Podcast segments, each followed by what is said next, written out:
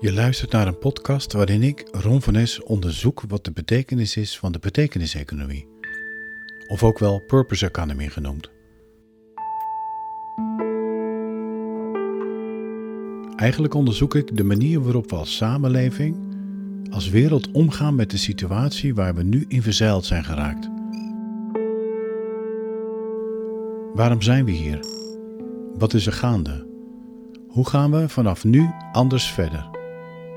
Je luistert nu naar deel 3 en slot van deze kleine serie.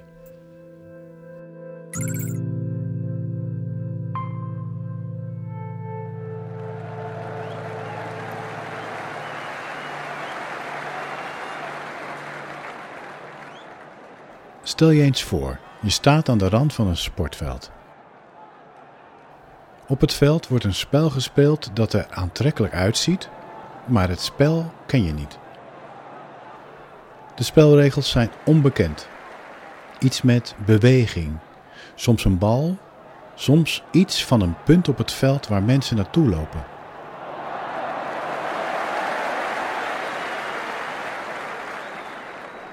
Dan word je uitgenodigd mee te doen. Je krijgt een soort stok in je handen. Wat moet je ermee? Verderop weer die bal. Mensen, doel. Maar je wordt toegejuicht. Zo word je een speler in een spel dat je onbekend is. Er worden punten uitgedeeld in dat spel en jij krijgt ook ergens punten voor. Waarom weet je nog steeds niet? Wat je wel weet is dat je ineens harder moet gaan lopen, want ja, dat is het spel. Niet een beetje harder, maar echt met je tong op je knieën. Je moet de andere kant van het veld bereiken. En daarna weer terug. Nog steeds heb je geen idee waarom, maar het gaat om die punten. En ergens gaan de handen omhoog. Niet in het veld, maar op de tribune. Ben je aan de winnende hand? De tribune vindt van wel blijkbaar. En niet alleen de gewone tribune, maar bovenin zie je een soort eretribune. Minder mensen daar die af en toe in hun handen klappen. Speel je voor hen? Zijn zij de eigenaren van dit stadion? Deze club?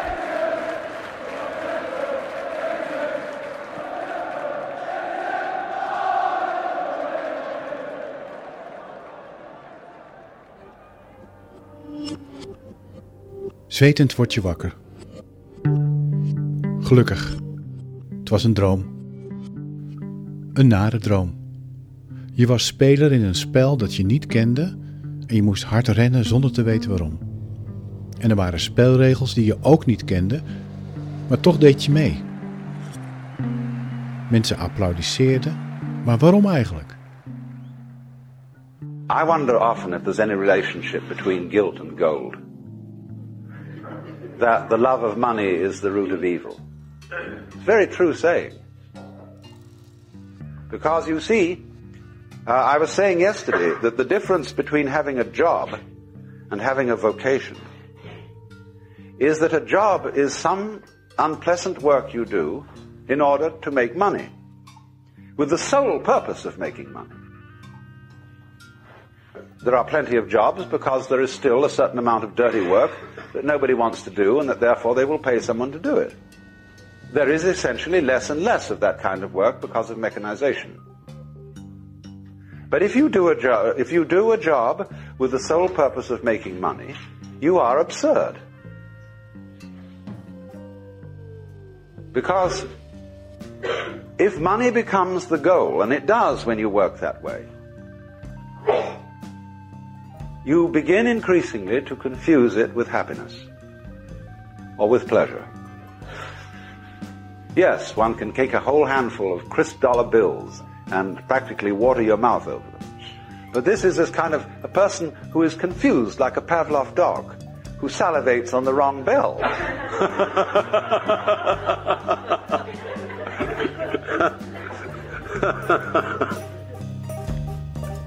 Je hoorde een fragment van de filosoof en boeddhist Alan Watts. Herken je iets van wat hij zegt? Resoneert er iets? Guild en gold? Het lijkt alsof we met elkaar in een spel terecht zijn gekomen als speler waar we de spelregels niet van kennen. Hoe moeten we ons dan gedragen? Hoe moeten we dat spel spelen? Met andere woorden, wat is mijn plaats in dat spel?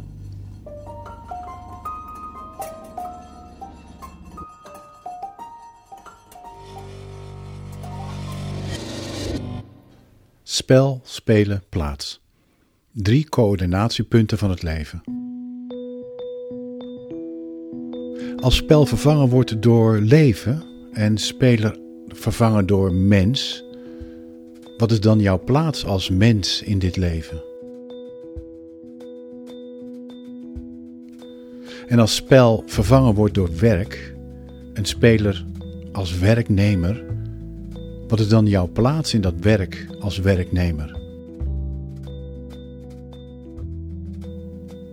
En als spel vervangen wordt door economie en speler vervangen wordt door consument, wat is dan jouw plaats als consument in de economie?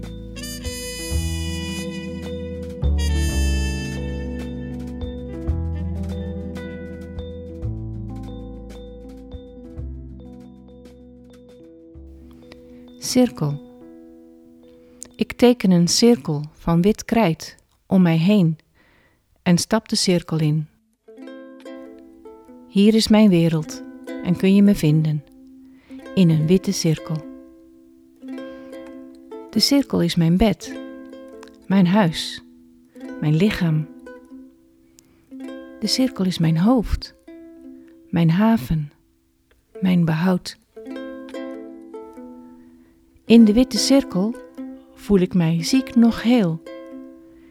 In mijn cirkel ben ik wie ik zijn zal. Ik teken een cirkel van wit krijt om mij heen en stap de cirkel in. En af en toe maak ik plaats, open ik mijn cirkel en laat je binnen.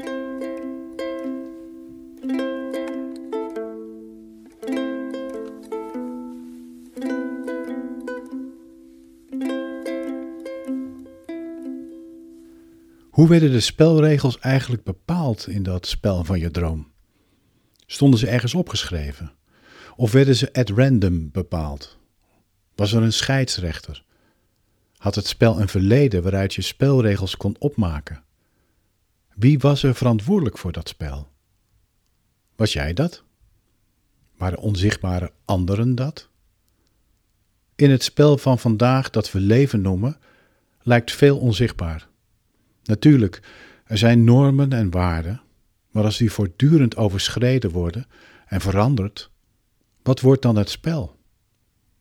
Als andere spelers je in steeds wisselend spel de bal aanreiken, wat moet je daar dan mee? Is er een doel? Zijn er punten te behalen? Wat wordt er eigenlijk van je verwacht? I am here. This moment. Inside the beauty.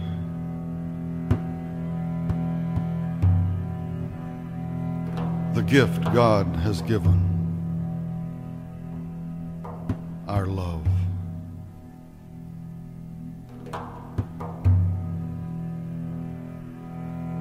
This gold and circular sign means we are free of any duty. Out of eternity, I turn my face to you. De dichter Rumi, die je net hoorde en die eeuwen geleden leefde, beschreef het al.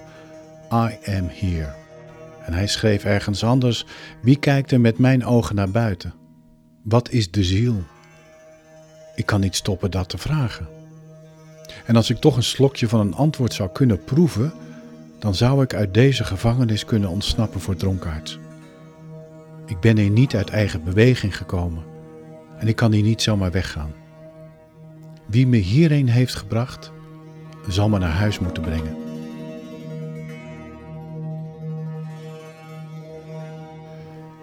Spelen we het spel of beheersen we het spel? Is het spel van ons of zijn we onderdeel van het spel? Handelen wij alsof wij het spel hebben bedacht? Of erkennen wij dat spel, speler en plaats een geheel vormen, een delicaat systeem dat om samenwerking vraagt? En als we niet de plaats innemen en onze verantwoordelijkheid als speler in dat grotere spel aanvaarden, blijven we maar worstelen met de vraag wie we nou eigenlijk zijn. Dan compenseren we de leegheid.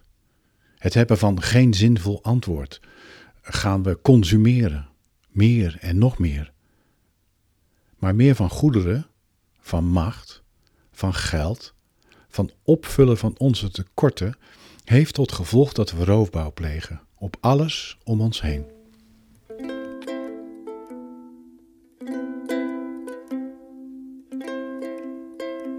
In zijn zeer inspirerende boek Wat er nu toe doet, legt de Amerikaanse management consultant Gary Hamel vijf spelregels voor een verantwoordelijk leven uit.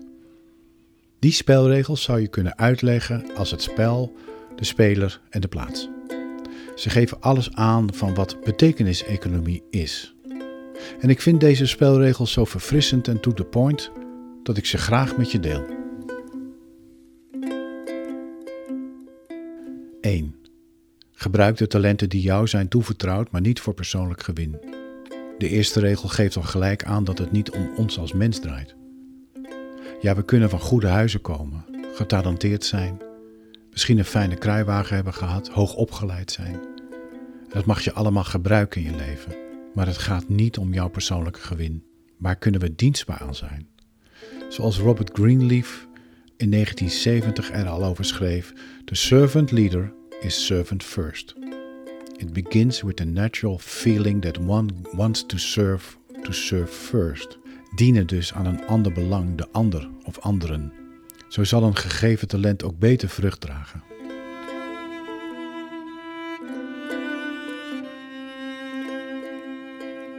2.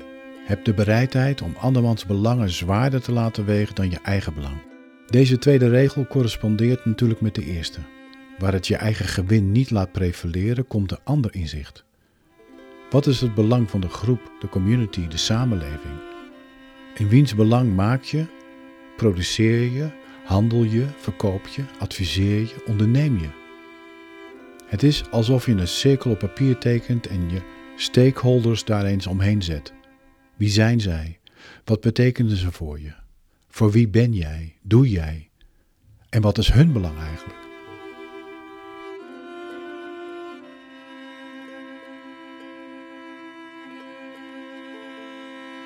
Drie. Kijk naar het veiligstellen van de toekomst, ook al doe je je voordeel met het heden. Op een of andere manier heeft de angst om het huidige systeem te verliezen de overhand ten opzichte van een heldere gedachte over wat de toekomst nodig heeft. Omhelzen, veranderen, verbeteren en je stempel erop achterlaten, het leven en dat in het licht van het veiligstellen van een toekomst. Hoe leven we nu en straks op deze planeet in vrede en welzijn? Wat moeten we daarvoor doen? Laten, bepleiten, maken, dienen, eren en accepteren.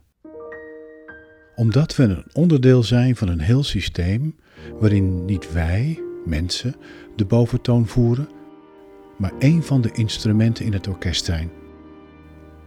Wat zal de melodie zijn die klinkt in de toekomst?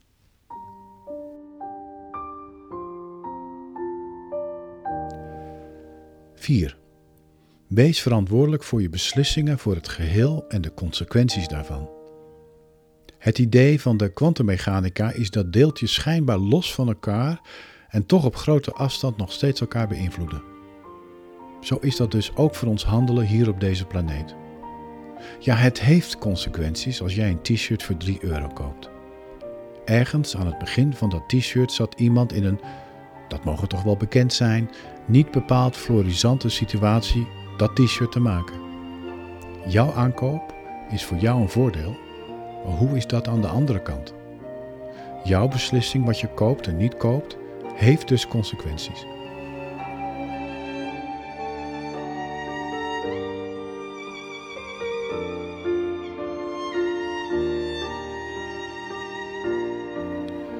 Vijf. Jouw beloning hangt samen met je bijdrage en niet met je zeggenschap. Onlangs las ik in een krant: topinkomens stijgen alweer explosief. En het lijkt wel alsof sommige bestuurders ziende blind en horende doof zijn. In het krantenbericht staat zelfs dat een verhoging van een salaris van een bestuurder van een internationaal brillenbedrijf met maar liefst 43% kan worden gegeven, omdat er gekeken is naar de publieke opinie die dat blijkbaar goedkeurend toelaat.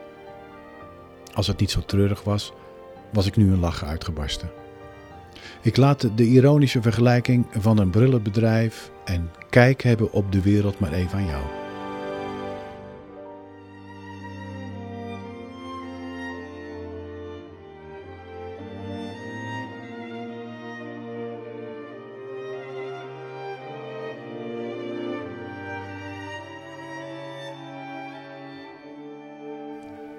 Wat is het spel?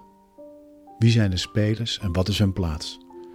Simon Sinek vertelt over de zwaarste fysieke training in het Amerikaanse leger, dat van de Navy SEALs. The Navy SEALs are one of the highest performing organizations on the planet. And a former Navy SEAL was asked, who makes it through BUDS? Who makes it through the selection process to become a SEAL? Maar het gaat niet over kracht, niet over doorzetten, niet over je tanden stuk bijten. Dat gaat over iets anders. And he said, I can't tell you who gets through, who makes it, but I can tell you the kind of people who don't make it. He said the star college athletes that never have been really tested to the core of their being, none of them make it through. He said the preening leaders who like to delegate everything, none of them make it through. He said the big tough guys that come in with huge muscles covered in tattoos who want to prove to everyone how tough they are, none of them make it through. He said some of the guys that make it through are skinny and scrawny. He said some of the guys who make it through, you will see them shivering out of fear. He said, but every single one of them who makes it through, when they're emotionally exhausted, when they're physically exhausted, some way, somehow, they're able to dig down deep inside themselves to find the energy to help the person next to them. Service. Service. Giving to another, having their back, is what makes the highest performing teams in the world. Not their strength and not their intelligence. It's their willingness to be there for each other.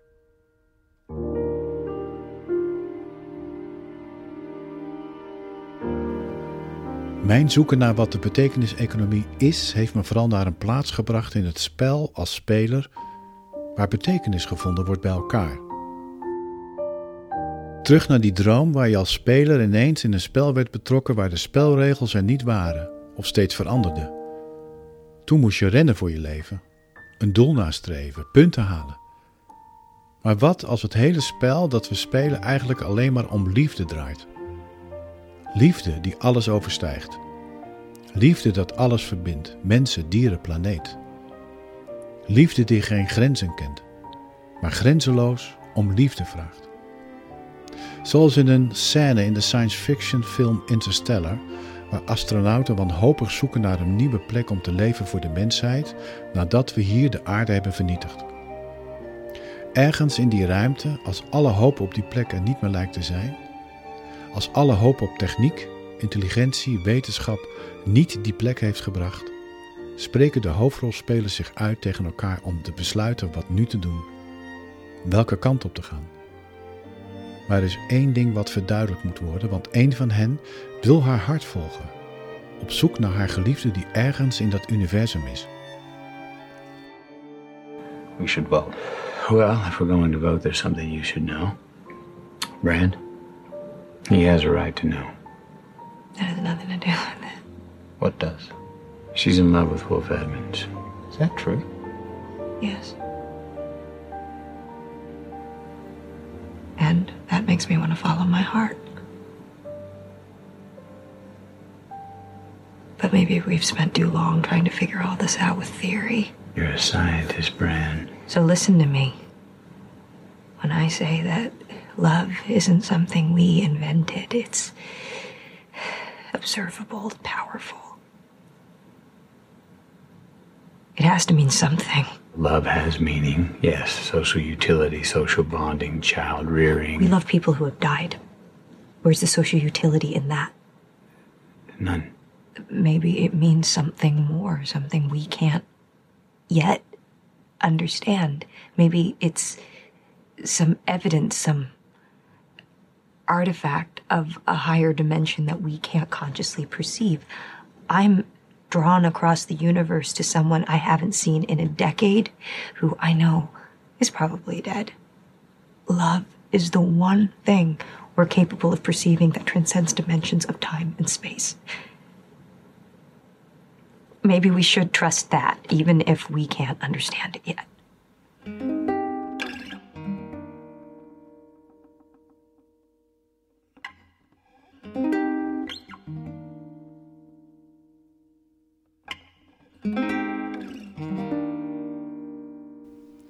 De liefde.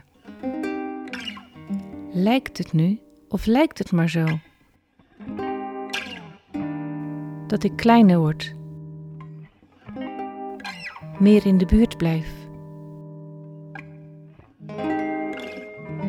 meer en meer heel gewone dingen waardeer. Liefde en zo, van een mens, een kind. Lijkt het nu dat die grote dromen die ik had eigenlijk altijd over dezelfde dingen gingen? Over een leven in eenvoud, een simpel gebaar, van liefde en zo, van een mens, een kind. Lijkt het nu, nu ik ouder en ouder word, dat ik scherper begin te zien, helder van geest, eindelijk begin te weten dat het alleen maar gaat over liefde en zo, van een mens, een kind.